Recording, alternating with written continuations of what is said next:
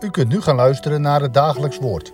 Dit is iedere maandag tot en met vrijdag om 10 uur, 3 uur en s'avonds om 7 uur. Deze meditatie wordt verzorgd door dominee van den Bos.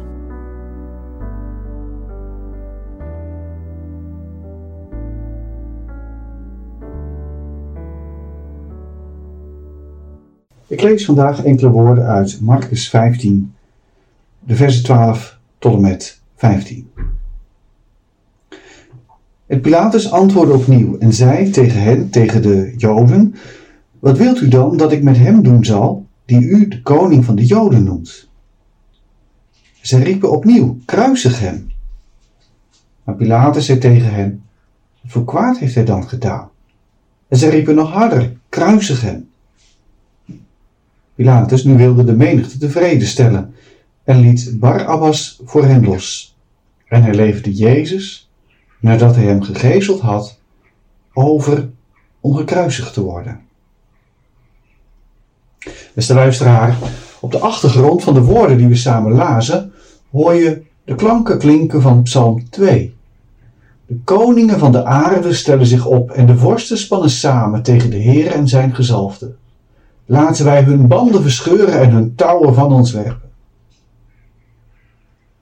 Deze woorden klinken op de achtergrond wanneer Marcus ons de dramatische afloop van de rechtszaak tegen Jezus vertelt. En hij, Pilatus, leverde Jezus nadat hij hem gegezeld had over om gekruisigd te worden. Onvoorstelbaar.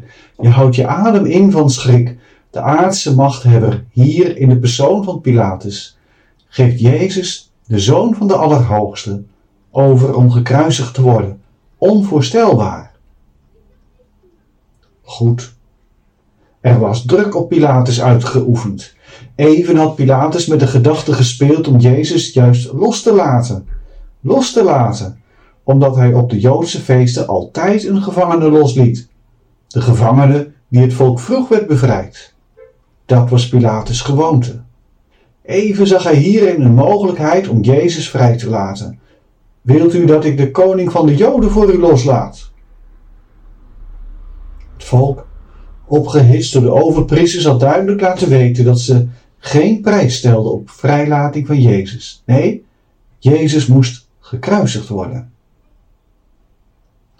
Pilatus zal ongetwijfeld druk hebben ervaren en hij, als bekwaam politicus en ervaren bestuurder, wist dat hij de wil van het volk niet zomaar kon ombuigen of negeren. Hij voorzag grote onrust als hij deze gevangene Jezus zou vrijlaten, wegens gebrek aan bewijs om de beschuldigingen die tegen hem geuit waren te ondersteunen. Ik kan me voorstellen dat Pilatus een inschatting heeft gemaakt. De nadelen van het vrijlaten van Jezus waren bijzonder groot. Dan maar liever deze ene onschuldige laten kruisigen en vrede houden met het volk. Aan rellen en plunderingen in Jeruzalem had Pilatus zeker in deze tijd van Pascha, waarin de stad uitpuilde van bezoekers, echt geen behoefte. Dan maar deze ene laten kruisigen. Vanuit een bestuurlijk opportunistische houding een logische keus. Soms moet je nu eenmaal kiezen tussen twee kwaden.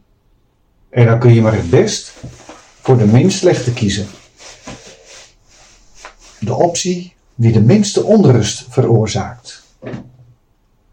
Toch is hier duidelijk meer aan de hand. Ik noemde Psalm 2 al. De woorden uit Marcus, waarin jou en mij verteld wordt dat Jezus wordt overgeleverd om gekruisigd te worden, zijn de climax van de al eeuwen durende strijd tussen de machten van Satan, de macht van duisternis en God zelf. Jezus de zoon van God wordt terechtgesteld. En kennelijk heeft de macht de duisternis de macht om dit te doen.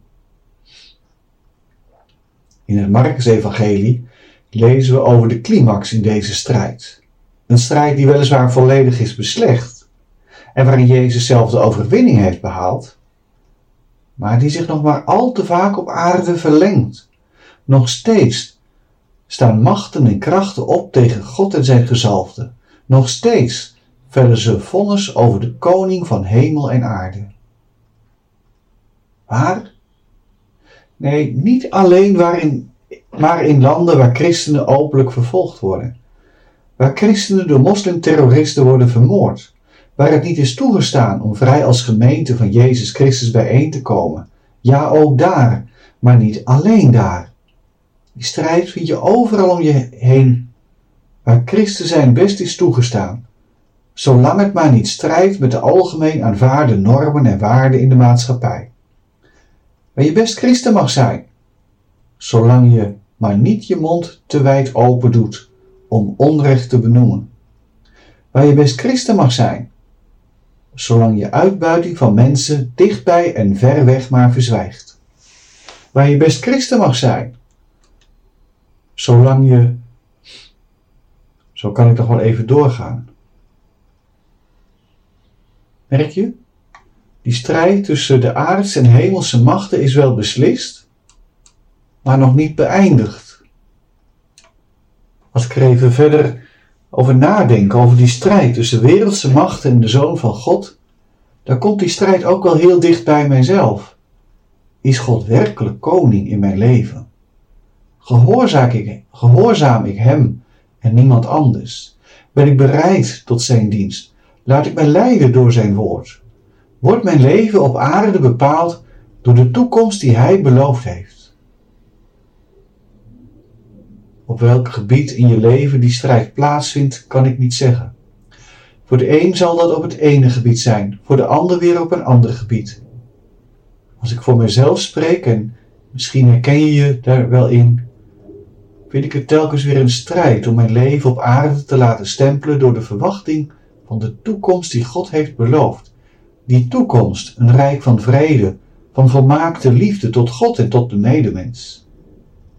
Dat is geen rijk van klinkende munten en heigerige prestaties. Geen rijk van persoonlijke roem en faam. Ik weet het. Die munten en prestaties, die roem en faam, die behoren bij de aardse macht. De aardse macht, die zich maar al te vaak laat gelden in mijn leven en waar ik nog zo aan vastzit.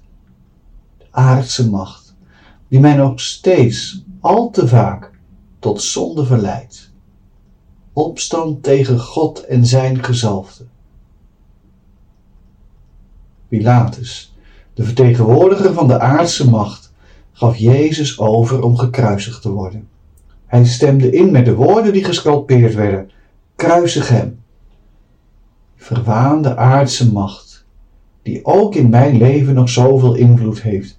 Die verwaande macht, waartegen ik mag, waartegen ik moet strijden in de kracht van Jezus, de koning der Joden.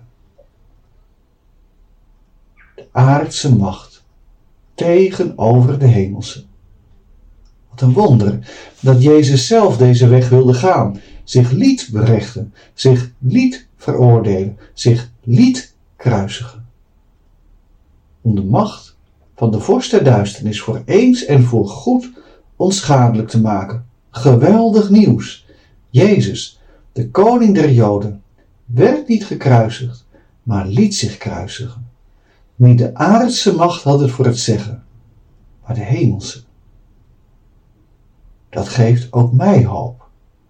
Ook als ik die aardse macht in mijn leven merk. Het blijft een strijd. Ja, ik weet het. Een strijd die nog niet is beëindigd. Maar wel beslist. Laten we samen nog bidden. Heer onze God, trouwe Vader in de hemel, wij komen tot U. We danken U dat we opnieuw ons oor te luisteren mochten leggen bij Uw woord en dat U daarin tot ons sprak. Heere God,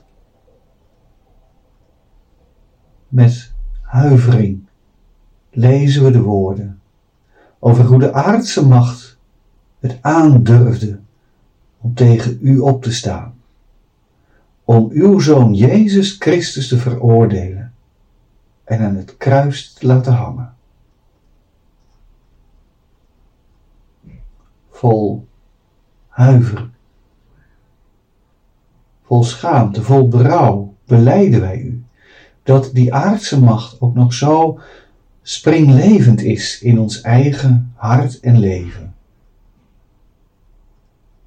En wij bidden u, leer ons strijden in uw kracht tegen de zonde en tegen Satan. In ons eigen leven en ook in de wereld die ons omringt.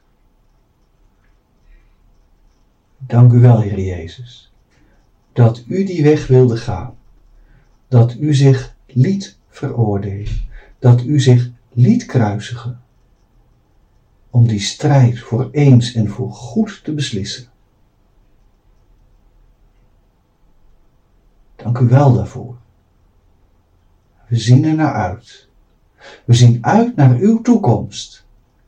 Die toekomst waarin die aardse macht, die vijandige macht tegenover u, voor goed zal zijn uitgeschakeld. Dank dat u in het geloof mogen leven dat de strijd beslist is. En dat de macht van Satan eens voor goed voorbij zal zijn. Amen.